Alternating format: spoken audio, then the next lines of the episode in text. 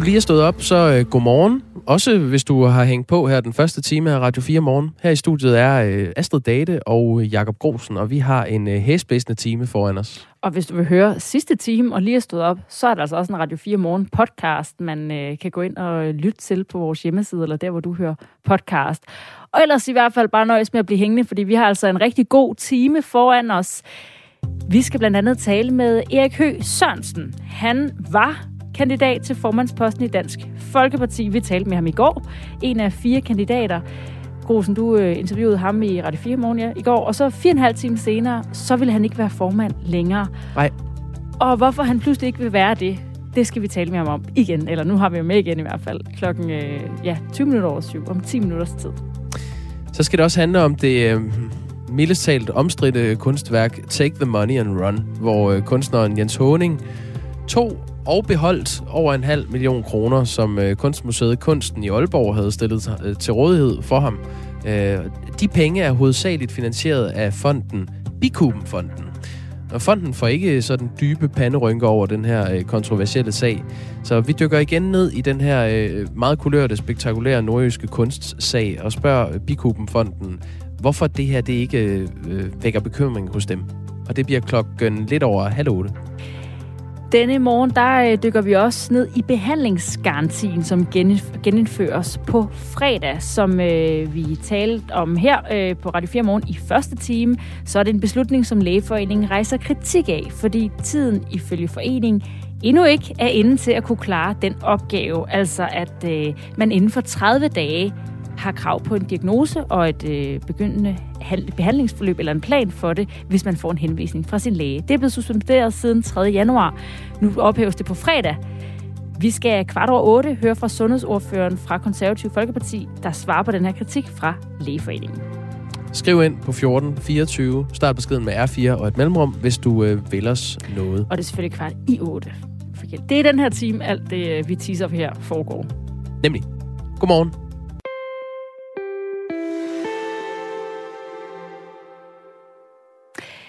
Først der skal vi til en øh, helt anden øh, stor historie, vi har den her morgen, og vi begynder lige med at skrue tiden tilbage til et pressemøde lørdag den 7. november 2020. Det er vores klare mål, at alle mink er slået ned næste mandag, det vil sige mandag den 16. november. Aflivning af alle mink øh, i Danmark skal være overstået den 16. november, sådan lød det fra sundhedsminister Magnus Heunicke og den tidligere fødevareminister Mogens Jensen på et pressemøde få dage efter regeringen havde besluttet at aflive alle mink. I dag kan vi så fortælle, at Rigspolitichef Torkel Fode, der også var med på pressemødet, burde have advaret om, at der manglede lovhjemmel til at aflive alle mink. Sådan lyder det fra flere eksperter, som Radio 4 har talt med. Allerede to dage før, nemlig den 5. november, der deltog Rigspolitichefen nemlig ifølge et referat i et møde, hvor det blev sagt, at der blev arbejdet på en hjemmel til, at også mink uden for nogle specifikke smittezoner kunne afleves. Men på pressemødet den 7. november, hvor ministerne slog fast, at alle mink skulle være aflevet senest ni dage senere, der nævnte ingen den manglende hjemmel. Ministerne har forklaret i Mink-kommissionen, at de ikke vidste, at der manglede lovhjemmel på det tidspunkt. Og Rigspolitichefen, der altså ifølge referatet burde have vidst det, takkede minkavlerne for deres samarbejde med myndighederne. Og til det vil jeg gerne sige til de mennesker, der i øjeblikket befinder sig i den ulykkelige situation, det er at miste sit livsgrundlag. Tusind tak for det samfundssind, I udviser. Jeg får gode meldinger tilbage om godt samarbejde. Tak skal I have. Sådan sagde Rigspolitiet Torkel Fode altså til minkavlerne på pressemødet den 7. november 2020. Men han burde enten direkte have sagt, at det var frivilligt at medvirke til at slå mink ned uden for de specifikke zoner, eller have taget flere forbehold. Det siger Sten Bønsing, der er professor i forvaltningsret ved Aalborg Universitet. Ja, det der er jo problemet, det er, hvis han giver indtryk af, at minkavlerne er forpligtet til at aflive deres mink, øh, og er forpligtet øh, til at øh, følge politiets anvisninger. Øh, fordi det var ikke gældende på det tidspunkt, øh, og, øh, og derfor så bliver de vildledende og misvisende øh, hvis han giver indtryk af, at det er, er øh, folk forpligtet til. Men man kan sige, at på det her pressemøde den 7. november, der siger øh, de to ministre på pressemødet, at alle mink skal være aflivet senest den 16. november, men Torkild Fode, han siger det ikke. Altså han takker minkavlerne for deres indsats. Så hvordan kan man sige, at han har gjort noget galt? Ja, altså det, det er klart, det bliver selvfølgelig også øh, lidt mindre alvorligt øh, end øh, ministerne, øh, men øh, stadigvæk øh, så øh, øh siger han jo, øh, altså at han øh, takker minkavlerne for medvirken osv., og, og derfor så må man jo få det indtryk, at han står bag, at der er en pligt til at øh, aflive mink. Så hvad kunne man, altså hvad er det helt præcis, han burde have gjort i stedet for så? Øh, så, så skulle han have øh, hvad skal vi sige, taget flere forbehold på pressemødet, eller øh, sagt, at øh, det var øh, frivilligt øh, at, øh, at øh, medvirke til, til politiets anvisninger, øh, og i hvert fald ikke have givet indtryk af, at det er noget, man er øh, forpligtet til. Øh, og det, det vil jeg mene, at hans udtalelse, den, den giver det indtryk af, fordi han takker for, kan man sige, medvirken. Men er det hans rolle som rigspolitichef for det her pressemøde? Fordi det er jo ministerne, der fremlægger, hvad er regeringens politik, og hvad skal der ske nu, og giver en status på, hvor langt vi er i forhold til aflivning af mink og alt muligt andet på det her tidspunkt. Altså er det rigspolitichefens rolle på det her pressemøde at sige lige præcis det? Ja, altså han er selvstændigt forpligtet øh, til øh, ikke at øh, medvirke til, at der øh, gives forkerte øh, informationer. Øh, og derfor så, så har han en, en pligt til øh, også øh, at, og, øh, sikre, at der ikke bliver vildledt. Øh, og, og han kan ikke, om så må sige, gemme sig bag, at, øh, at der er ministre, der, øh, der øh, vildleder, eller der vildleder mere, end øh, han vildleder. Øh, så så det, det, det er en selvstændig pligt, som, som han også har. Og politiet de har tidligere sagt i øh, forbindelse med hele det her minkspørgsmål, at de var bevidste om, at der manglede lovhjemmel, men de regnede med, at lovhjemmelen til at aflive alle mink ville komme inden for få dage. Med det en mente, er det her pressemøde så ikke mere okay? Altså det, det, det er da selvfølgelig en udmærket forklaring, øh, at man regner med, at der bliver øh, hjemmel, men, men, men så må man jo sige, at man forventer at der kommer en, øh, en hjemmel, eller tage en anden forbehold, øh, et eller andet forbehold om, at, at øh, øh, der er lovgivning på vej, øh, eller at det vil blive en, en øh, pligt øh, at, øh, at følge anvisningerne. Det er vores politiske rapporter på Radio 4 Morgen, Amanda Holmen, der har talt med Sten Bønsing, som altså er professor i forvaltningsret ved Aalborg Universitet. Hun har også talt med Frederik Våge, der er professor i forvaltningsret ved Syddansk Universitet. Og han mener også, at Rigspolitichefen burde have gjort opmærksom på det, hvis han på pressemødet var vidne om, at der manglede hjemmel til at aflive alle mink. Hvis det er sådan, at Torkel Fode har vidst, at der manglede lovhjemmel til at aflive alle mink, vi kan lægge det til grund, og han har forstået, at, at der ikke var lovhjemmel til at aflive mink uden for zonerne, så skulle han ikke stå som, øh, som ordensmagt og legitimere det øh, sammen med øh, de to øh, ministre. Øh, jeg tør ikke udtale mig med, med fuld sikkerhed om øh, præcis hvilket vidensniveau, som øh, Rigspolitichefen har haft, men det er et problem, hvis man ved, der mangler hjemmel øh, at man øh, legitimerer øh, et pressemøde, hvor at øh, nogle ministre de handler uden hjemmel. Og når han er bekendt med det, øh, har vidst det i flere dage på det tidspunkt, så bør han gøre opmærksom på, øh, eller sørge for, at ministerne gør opmærksom på, at der ikke øh, er hjemmel til at aflive alle mink uden for zonerne.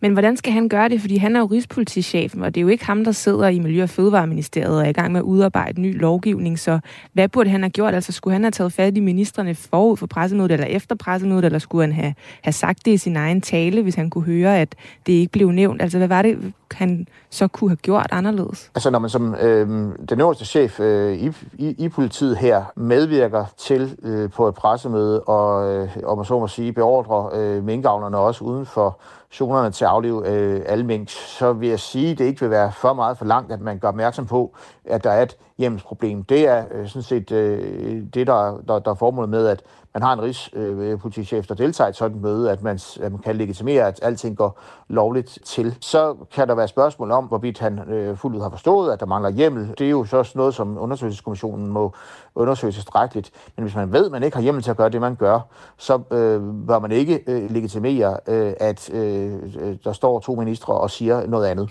Men man kan sige, på det her pressemøde den 7. november, altså der siger den daværende fødevareminister Mogens Jensen, at alle mink skal være slået ned senest den 16. november, og sundhedsminister Magnus Heunicke siger det samme, men Torgild Fode, altså chefen, han siger det sådan set ikke. Altså han takker minkavlerne for deres indsats. Hvordan kan han så, kan man sige, have gjort noget galt? Øh, altså han er jo repræsentant for politiet og øh, deltager og medvirker til at gennemføre et, et pressemøde, øh, hvor der er klar oplysning om, hvordan man skal forholde sig som minkavler. I det tilfælde, der skal han ikke medvirke til noget, der, der ikke er, er lovhjemmel til. Og det gør han, når han står ved siden af og er med til at tale. Det er ikke så afgørende, hvem der tager ordet omkring de konkrete ting. De fremstår som en enhed, de her tre personer, og i det, de kommer med en udmelding til, hvad, øh, hvad, hvad avlerne skal gøre, øh, ja, så handler de uden hjemmel øh, i forhold til dem, som er uden for zonerne. Og, og, og der var han ikke være med til at, øh, eller skal han ikke være med til at, øh, om så må sige, legitimere, at man gennemfører øh, noget, som han ved, der ikke er, er lovhjemmel til. Sådan lød det fra Frederik Våge, der er professor i forvaltningsret ved Syddansk Universitet, som vores politiske reporter Amanda Holmen havde talt med. Vi vil også gerne have haft et interview eller en kommentar fra Rigspolitichef Torgild Fode her til morgen, men øh, det har ikke været muligt. Han har ikke øh, vil give yderligere kommentarer. Han skal afhøres i min kommission den 28. januar, men øh, indtil da, der kommer vi altså ikke umiddelbart til at høre fra Torgild Fode. Senere på morgen, der taler vi til gengæld med Dansk Folkepartis retsordfører Peter Skorup, der vil stille spørgsmål til justitsministeren om den her sag. Og man kan også høre meget mere om den i øh, Radio 4's politiske magasin Mandat, som kaster sig over historien, når vært Pernille Rudbæk og politisk kommentator Thomas Larsen tager dig med helt ind i det politiske maskinrum. Det er klokken 11, og den kan bagefter findes som podcast på Radio 4's hjemmeside, eller der, hvor du ellers lytter til podcast.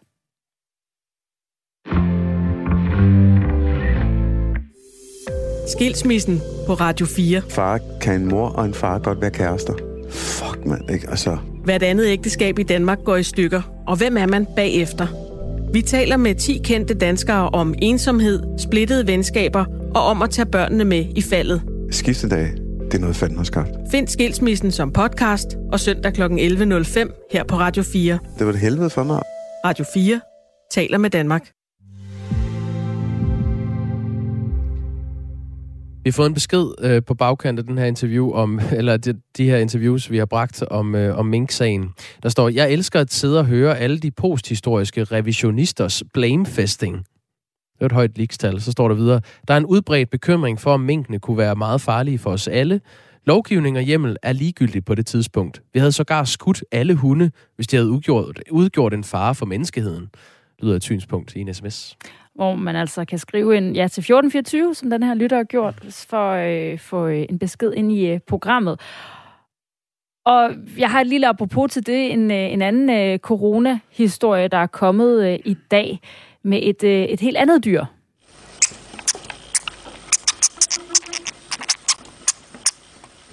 Marsvin? En hamster. Det er et hamster. En hamster. Det er, eller et hamster. Et hamster. Et hamster. Åh, oh, hvordan er det nu der? Det er hamsteret. Jeg har også et billede til dig, Grusen. Det er en øh, person, øh, jeg kan ikke se, om det er en kvinde eller en mand, fordi øh, vedkommende er fuldstændig tildækket i en hvid dragt og med visir og kæmpe mundbind og plastikhandsker på vej ind i en dyreforretning eller sådan noget. Ja. Der er et stort billede af et marsvin. Der er nemlig et stort billede af et marsvin. Eller, ja, det er et marsvin. Det eller, være et eller marsvin. et hamster. Ja. Det er i hvert fald, og det er en dyrbutik, som er lukket. Skodderne er ligesom for, fordi at der er 2.000 smådyr heriblandt hamster, som skal aflives i Hongkong efter at flere er blevet testet positiv for coronavirus i den her dyrebutik, som du har et billede af, hvor en medarbejder var smittet med coronavirus. Så skal alle hamster slås ned? Lige præcis. Byen de vil også øh, stoppe salget af hamster og import. De her hamster i den butik kom fra Holland, og 11 af hamsterne er blevet testet positive. Og de er i tvivl om, hvorvidt, altså, altså de tænker, at det kan være med, måske er det medarbejderen, der har smittet de her hamster. Mm. Og derfor så vil de altså øh, ja, slå 2.000 dyr og hamster ihjel. Og myndighederne i Hongkong de siger også, at de ikke kan udelukke altså den her smitte mellem dyr og mennesker. Altså det er butiksejeren, der har smittet dyrene. Men men øh, altså, mens øh, coronavirus højst sandsynligt sprang fra dyr til menneske i første omgang, blev udbruddet, hvor at, at pandemien startede, startede ikke, at vi siger, hører ligesom, at okay, det startede ved dyr, kom til et menneske, mm. så er det menneskerne, der ligesom spreder virusen efterfølgende.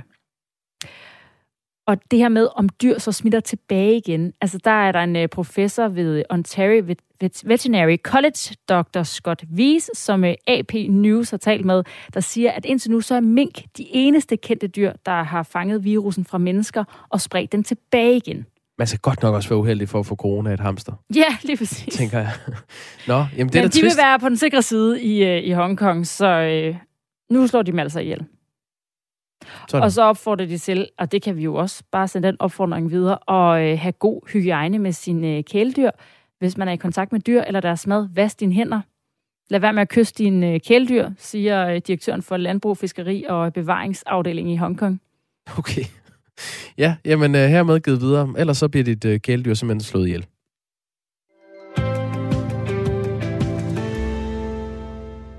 Nu skal det handle om øh, kampen om at blive formand i Dansk Folkeparti. For de fire kandidater til formandsposten i partiet blev øh, tirsdag til øh, tre, altså i går, da Erik Høgh Sørensen trak sig.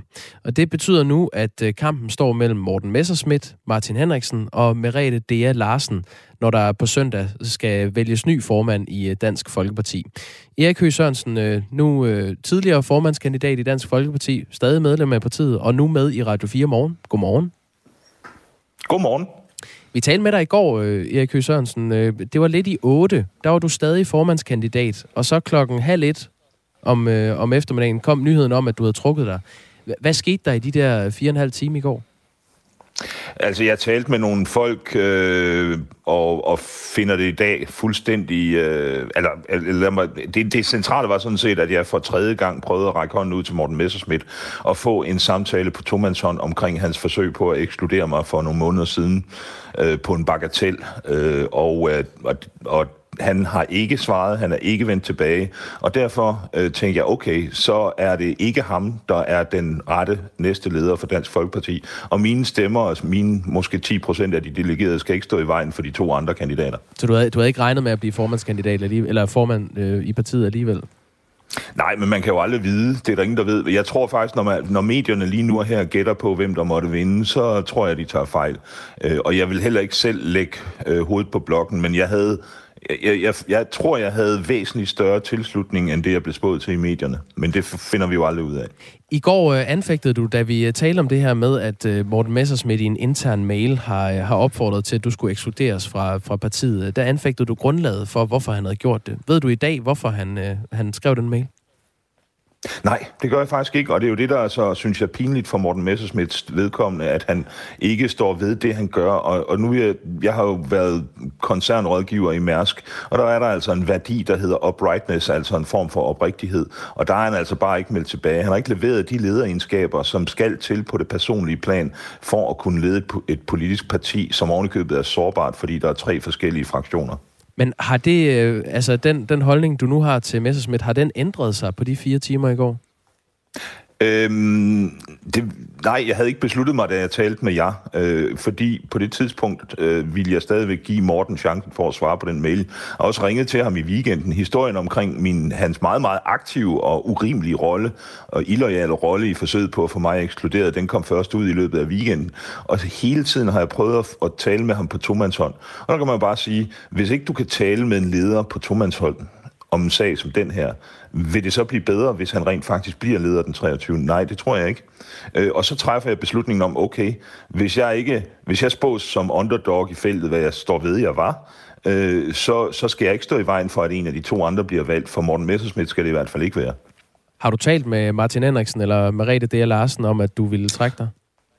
Ja, øh, og det er fordi, jeg endnu ikke har helt besluttet mig for, hvem af de to, jeg vil øh, stemme på selv.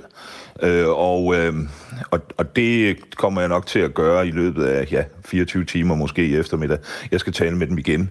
Og, øh, og, og derfor har jeg talt med dem om det. Øh, og har, jeg har, har de tilbudt dig noget for, at, at du ville trække dig?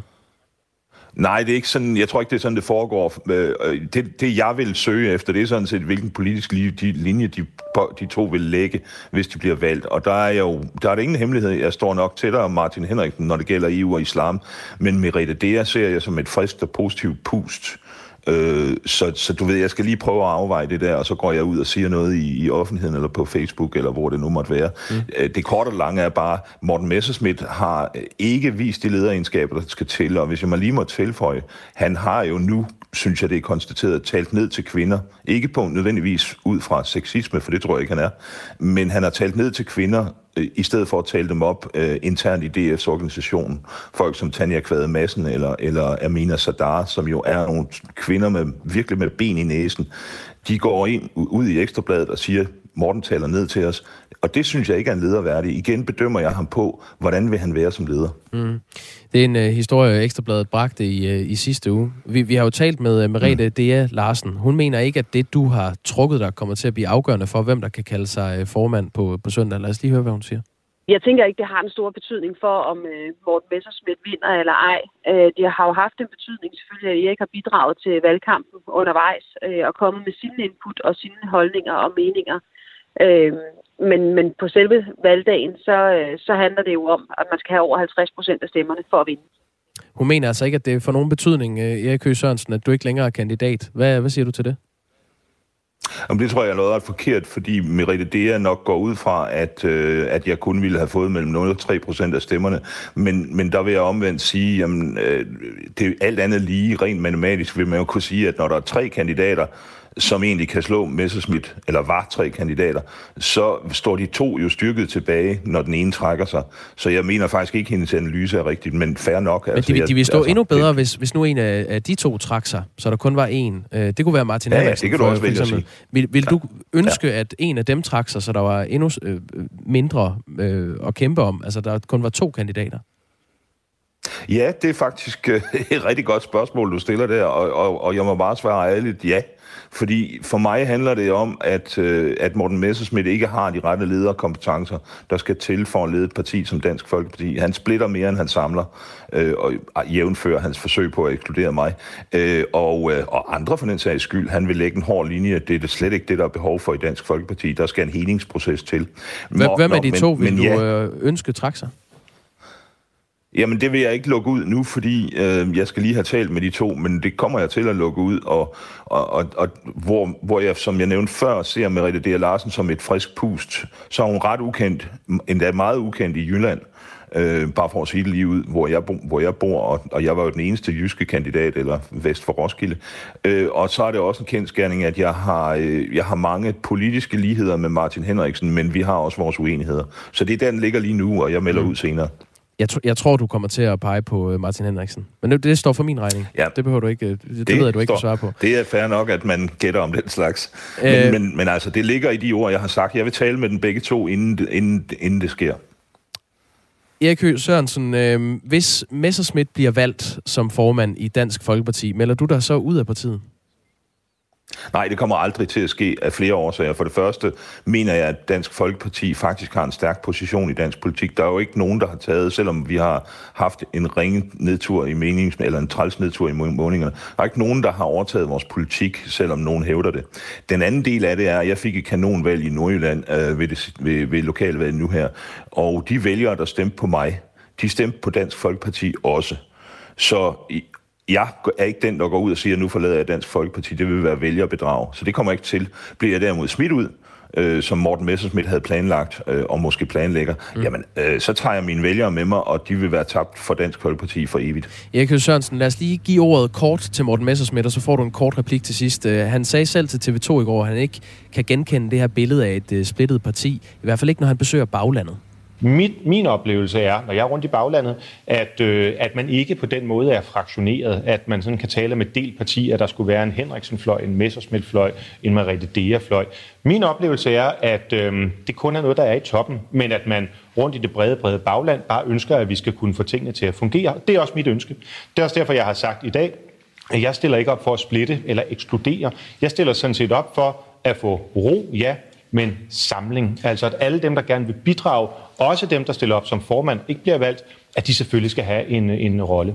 Du kan altså få lov at bidrage. Du har lige 10 sekunder til at svare på, om du vil det.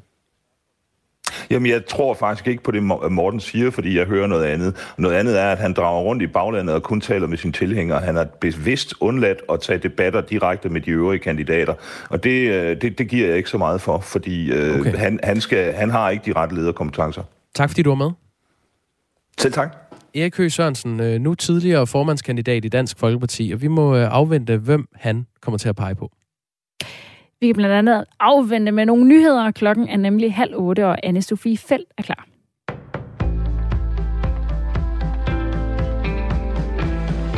Rigspolitichefen burde have advaret om manglende hjemmel til at slå alle mink ihjel. Det vurderer eksperter over for Radio 4 morgen. Ifølge eksperterne så skulle han have advaret om det på et pressemøde den 7. november 2020, hvor flere ministre også deltog. Ifølge et referat fra advokatundersøgelsen af politiets action card, så deltog Rigspolitichefen nemlig på et møde to dage inden pressemødet. Her blev det sagt, at der manglede hjemmel til at aflive alle mink, og derfor så burde Torkild Fode enten direkte have sagt, at det var frivilligt at medvirke til at slå mink ned uden for specifikke zoner, eller have taget flere forbehold. Det siger Sten Bønsing, der er professor i forvaltningsret ved Aalborg Universitet til Radio 4. Han er øh, selvstændigt forpligtet øh, til øh, ikke at øh, medvirke til, at der øh, gives forkerte øh, informationer. Øh, og derfor så, så har han en, en pligt til øh, også øh, at, og, øh, sikre, at der ikke bliver vildledt. Øh, og, og han kan ikke, om så må sige, gemme sig bag, at, øh, at der er en minister, der, øh, der øh, vildleder, eller der vildleder mere, end øh, han vildleder. Også professor i forvaltningsret ved Syddansk Universitet, Frederik Våge, siger, at det er et problem, at Torkild Fode legitimer legitimerede beslutningen ved ikke at sige på pressemødet, at der ikke var hjemmel. Radio 4 har spurgt Rigspolitichef Torgild Fode, om han vil stille op til interview. Det har han afvist med henvisning til, at han skal afhøres i Min-kommissionen den 28. januar og ikke har yderligere kommentarer. Fra i dag, der kan en ny funktion i appen Min Sundhed gøre det nemmere at få hjælp, hvis man får det dårligt i en anden del af landet. Den kan for eksempel hjælpe, hvis man står på grænsen mellem Region Hovedstaden og Region Sjælland, og ikke ved, om man skal ringe til akuttelefonen på 1813 eller til lægevagten. Den nye funktion bruger ens GPS-lokation og tidspunktet på døgnet til at henvise til, hvem man skal ringe til, hvis man bliver akut syg eller får en skade. Den amerikanske kongres opfordrer FN til at offentliggøre en rapport om den kinesiske provins Xinjiang, inden vinter-OL i Beijing begynder den 4. februar. Det skriver nyhedsbyrået AFP. USA beskylder Kina for at overtræde menneskerettighederne i Xinjiang gennem systematisk forfølgelse og undertrykkelse af, den muslims, af det muslimske mindretal øh, uigurerne.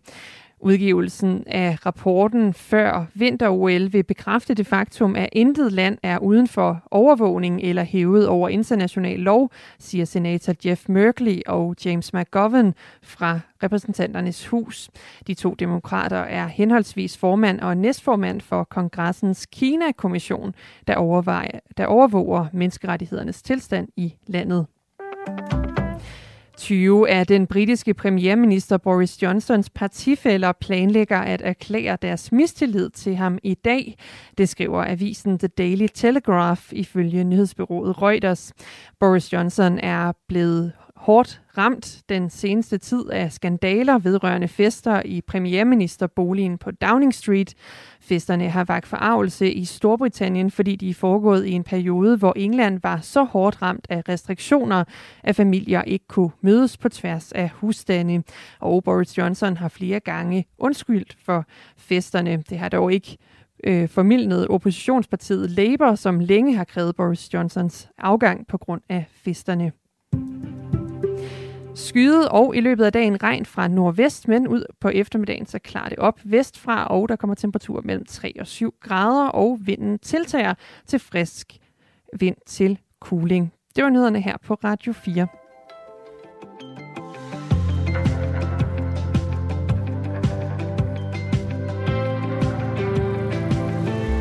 Velkommen til Radio 4 morgen her klokken 4 minutter over halv 8 denne onsdag med Jakob Grosen og Astrid Date. Vi kigger blandt andet på behandlingsgarantien, der genindføres igen på fredag, og øh, tidligere talte vi med Lægeforeningen, der er kritisk over for det her. De synes ikke, de er klar. Vi skal høre øh, fra konservativs sundhedsordfører, hvad de siger til kritikken. Men først til en øh, lidt mere øh, sparet kunstsag. Ja, det handler selvfølgelig om Take the Money and Run. Måske Danmarks mest kendte kunstværk for tiden.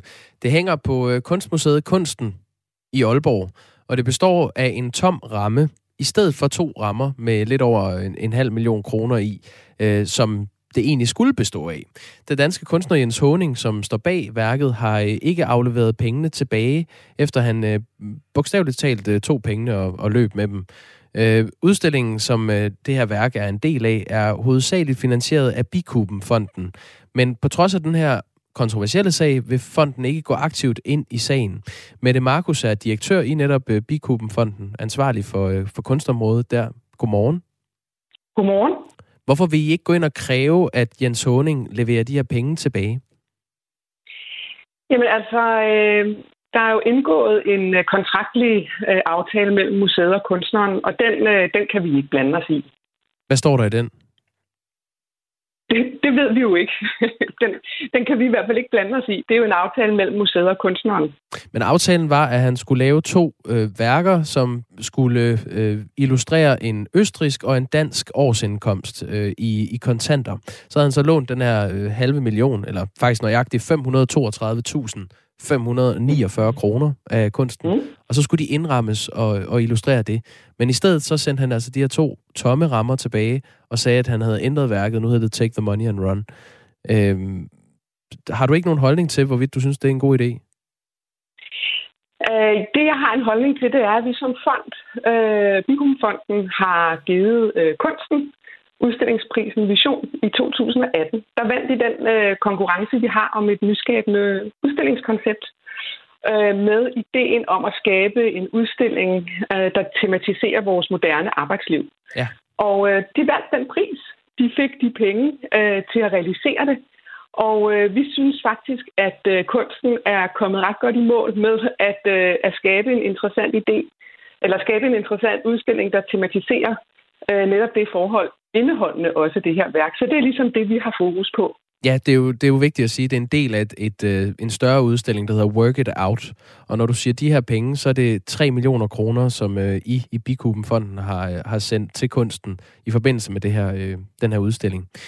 Lad os lige høre fra museumsdirektøren deroppe ved, ved Kunsten i Aalborg, Lasse Andersson. Han øh, sagde i mandags, at museet også har private fonde, øh, som man skal beskytte, fordi det er dem, der putter penge i øh, de her øh, udstillinger. Lad os lige høre præcis, hvad han sagde. Vi har fået en stor bevilling på øh, mere end 4 millioner kroner til at lave den udstilling øh, fra private fonde. Og øh, det forholder vi os til nu igennem det her søgsmål. Vi har stadigvæk Jens Honings værk, som har været udstillet i vores varetægt. Øh, så på den måde så er sagen øh, den er slet ikke afsluttet, og vi passer i høj grad på øh, vores fælles midler Kunsten i øh, Aalborg er jo en øh, selvejende institution, men øh, Aalborg Kommune har tilsynspligt over for museet. Og vi har også talt med Vibeke Merete Gamst, som er medlem af Aalborg Kommunes Sundheds- og Kulturudvalg for det konservative Folkeparti. Vi spurgte hende, hvordan hun forholder sig til sagen. Når en kunstner som Jens Horning siger, og det sagde han hele tiden, I får ikke pengene, så tænker jeg, nej, så får vi dem nok ikke, i hvert fald ikke uden videre.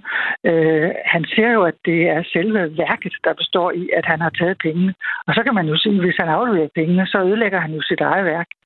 Altså, det, det kan man jo ikke. Altså, det, det er helt sikkert en eller anden form for, for underslæb. Og kan man sige, at bare fordi man kalder det et kunstværk, og siger, at det hedder take the money and run, så kan man bare gøre det. Det kan man jo ikke. Hvad synes du? Synes du godt, at man kan det? Jamen, det, jeg vil ikke forholde mig til øh, den aftale, der er mellem øh, museet og kunstneren.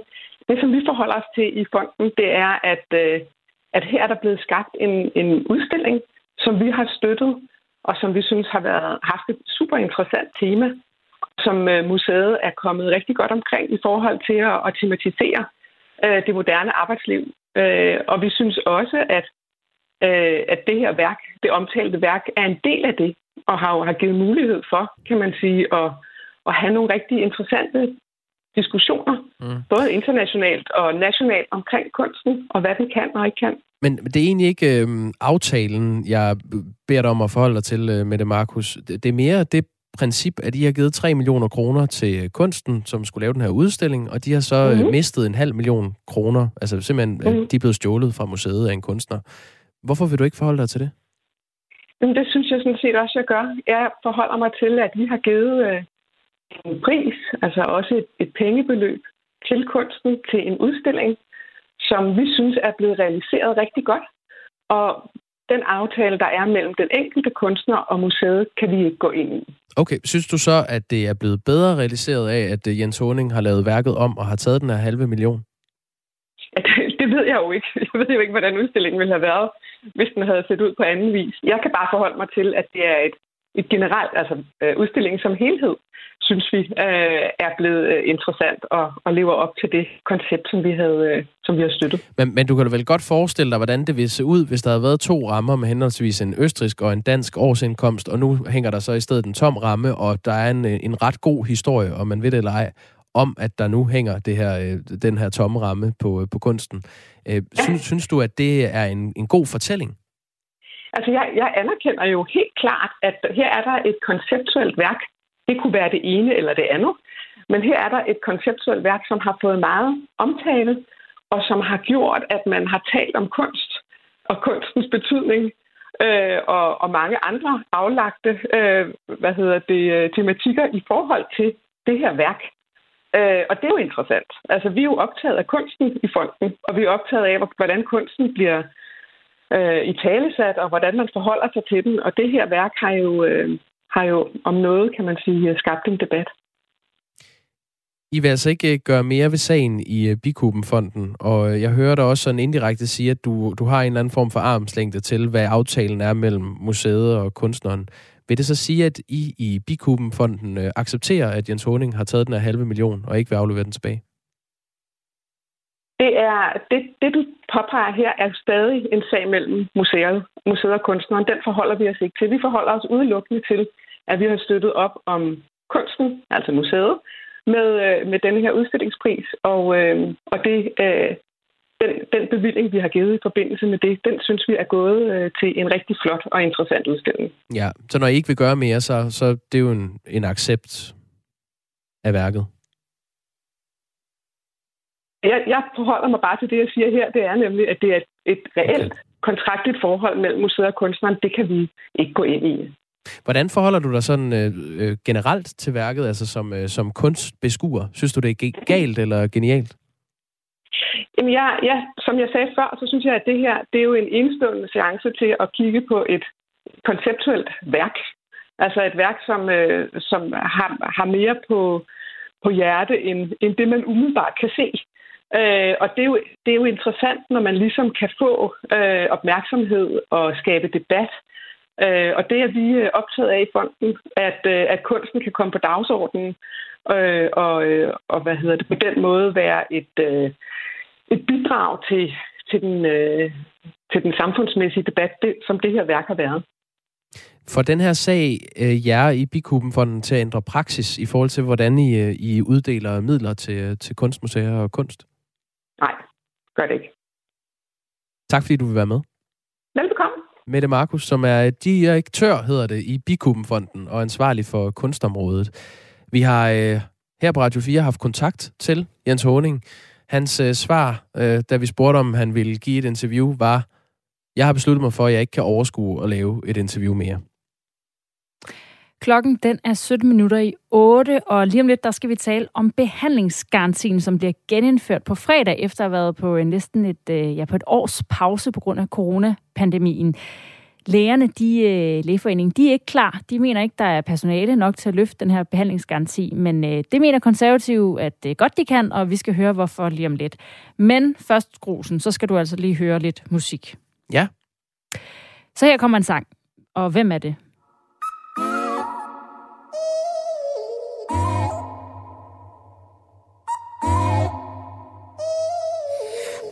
got too much time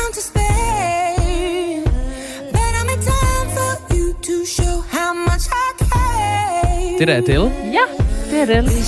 Og det her, det er Det er det femte nummer på hendes seneste album 30. Sangen hedder Oh My God, og den strøg til tops på de amerikanske albumhitlister. Mm. Men nu er den blevet overhalet. Og det er altså ikke småting, når selveste Adele bliver overhalet på toppen af hitlisterne. Det skriver musikmediet Soundvenue. Ja. Og dem, de, det album, som Adele er blevet overhalet af, det er soundtracket fra en Disney-film, der hedder Encanto. En øh, ja, forholdsvis ny Disney-film. Den har simpelthen kapret førstepladsen på den amerikanske albumhitliste. Det er ikke hver dag, det sker. Har du set den? Nej. Jeg har nemlig tilfældigvis... Det er den her uge, at øh, de er røget til tops, det her Encanto-album. Og jeg har tilfældigvis set filmen i weekenden. Okay. Og var sådan... Da jeg så den egentlig, det jeg tænkte sådan lige først umiddelbart var sådan, gud, jeg er ved at blive for gammel til Disney-film. Hvor er det trist. altså, jeg elsker til Disney-film. Men det der med musik er meget sådan... Øhm, hvad kan man sige, ny, ikke? moderne. Ja. Og de skal alle sammen midt i sangen have sådan en lille dans, så det kan være noget, der ligesom Åh, kan komme på TikTok. TikTok, ikke? øh, ja. TikTok-fænomen. Så du ved, alle de her øh, karakterer, de danser, og det er en øh, film, der foregår i Colombia. Det handler om en kolumbiansk familie, Madrigal, som har magiske evner. Ja. Og der er så et nummer, der eksploderer på tjenesterne lige nu. Og det var faktisk også et, hvor jeg tænkte, det er meget godt. Det er meget sjovt. Det hedder We Don't Talk About Bruno. Og det er meget sjovt, synes jeg, fordi at de synger Bruno, no, no, no. Altså, ham taler vi ikke om. Jeg synes bare, at teksten var meget sjov, ikke? Og det handler om en, der ligesom er udstødt af familien. Altså, så det er sådan en, hvad kan man sige, det er ikke en sådan super munter sang. Nå. Han øh, har evnen til at se ud i fremtiden, og han ser altid en masse tragedier, som så går i opfyldelse, så derfor bliver han ligesom udstødt. Og så synger de altså, vi taler ikke om ham. Og du får lige lov at høre lidt af det, fordi som Soundvenue skriver, så er det også en lidt ny standard for en Disney-banger, fordi at den er sådan lidt øh, latin, blanding af latin og hip-hop og funk. Bruno says it looks like rain. Get the umbrella.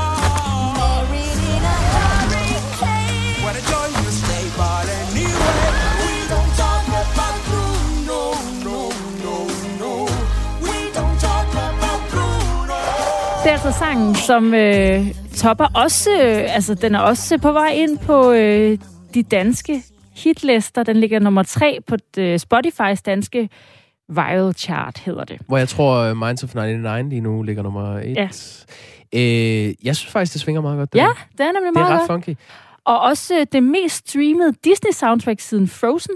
Og Åh, Frozen 2. lad det ske. Hvad alle, der Ja, har et barn præcis. øh, i en alder af, ja, jeg ved ikke, bare har et barn, kender den sang efterhånden. Ja. Jamen, det er da rart. Det er altså ny- det her med sådan en uh, reggaeton-stjerne, jeg ikke lige kender, der hedder Adassa, og en uh, kolumbiansk skuespiller. Som, uh, ja, som uh, altså... Så man kan sige, hvis ikke du allerede ved, hvem den her uh, Bruno, skumle Bruno-fyr er, så kommer du måske snart til det. Sådan.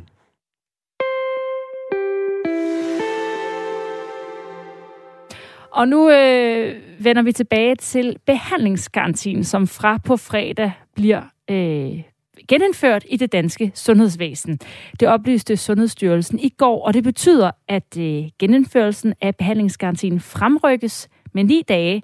Fra oprindeligt at skulle være tilbage den 30. januar, kommer den nu tilbage på fredag den 21. januar. Men øh, tiden er slet ikke inde til at løfte den opgave, det fortalte Camilla Ratke, formand i Lægeforeningen, tidligere her på Radio 4 Morgen. Jeg synes, den bedste løsning for mig lige nu, og det er jo i virkeligheden sådan, epidemien øh, er, øh, var at, at lige tage bestik stadigvæk frem mod den øh, frist, vi nok havde øh, sat alle øh, sammen, øh, der hed den 31. januar, og så øh, frem mod den dato have vurderet, at det er så realistisk. Og jeg så gerne, at man havde ventet øh, en uges tid med at tage bestik af det her. Øh, også i forhold til, om det var realistisk at genindføre 31. januar. Det kunne være, at det krævede en uge mere, øh, men det kunne også være, at vi var klar den 31. januar. På nuværende tidspunkt synes jeg faktisk ikke, at vi er klar fra 21. januar, det vil sige på fredag, som der er lagt op til. Men øh, Per Larsen, du mener altså godt, de kan være klar. Du er sundhedsordfører for Konservativ Folkeparti. Godmorgen. Godmorgen. Du er gået ind for at fremrykke den her genindførelse af behandlingsgarantien til på fredag. Hvorfor det, når nu øh, Camilla Ratke siger her, at man også kunne vente og tage bestik af situationen og give det til, øh, til det oprindelige var planlagt, altså januar ud? Jamen, jeg er rigtig glad for, at øh, sundhedsministeren har besluttet, at de skal øh, det skal iværksættes igen.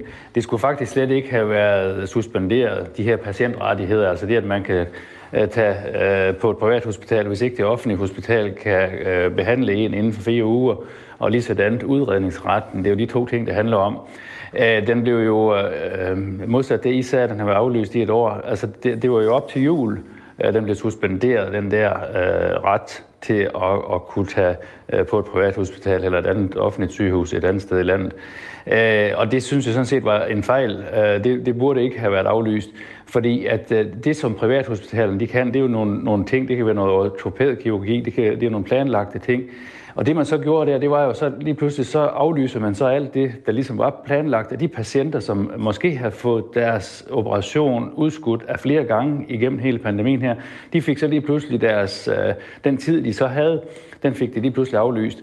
Og nu er der så gået øh, knap nok en, en, en, en måned her, og så indfører man det så igen, og det er simpelthen noget roderi. Så øh, godt, at det kommer tilbage, men det burde sådan set slet ikke have været sat ud af kraft, fordi det var der ingen grund til, og de, øh, jeg tror faktisk, der er gået noget kapacitet tabt i den her, fordi de skaber noget forvirring ud omkring på hospitalerne. Lige pludselig skulle de aflyse de operationer, som de havde i kalenderen, og så skulle de til at lave noget andet til. Jeg synes, det var uhensigtsmæssigt.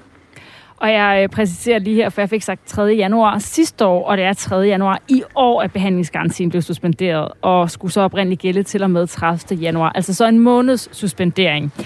Udredning og behandlingsgarantien betyder, at patienter, der henvises fra deres praktiserende læge inden for 30 dage, enten skal stille en diagnose eller have en plan for det videre udredningsforløb. Camilla Ratke, hun begrunder sin kritik af fremrykning af behandlingsgarantien med, at smittetrykket herhjemme stadig er stort, og det er også noget, der kan mærkes blandt sygehuspersonalet. Prøv lige at høre, hvad hun øh, siger her, Per Larsen. Vi ser en stigende smitte blandt personalet. Og vi ser ikke bare, at de bliver testet positive og må være hjemme på grund af det. Vi ser også, at nogle af dem er nødt til at have en 3-4 dage hjemme, fordi de får lidt småfeber og er skidt, så de kan ikke alle gå på arbejde.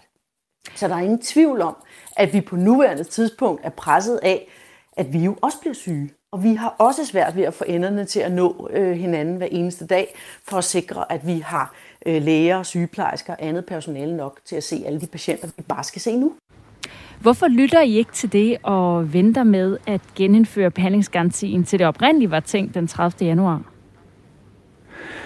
Jamen, jeg har bestemt også stor respekt for de synspunkter, som øh, lægeforeningen de, øh, fremfører her, øh, helt bestemt. Men vi skal bare huske på, at der er altså en masse patienter, som har fået deres øh, udredning eller deres øh, stillelse af diagnose udskudt, eller deres operationer udskudt, øh, måske flere gange.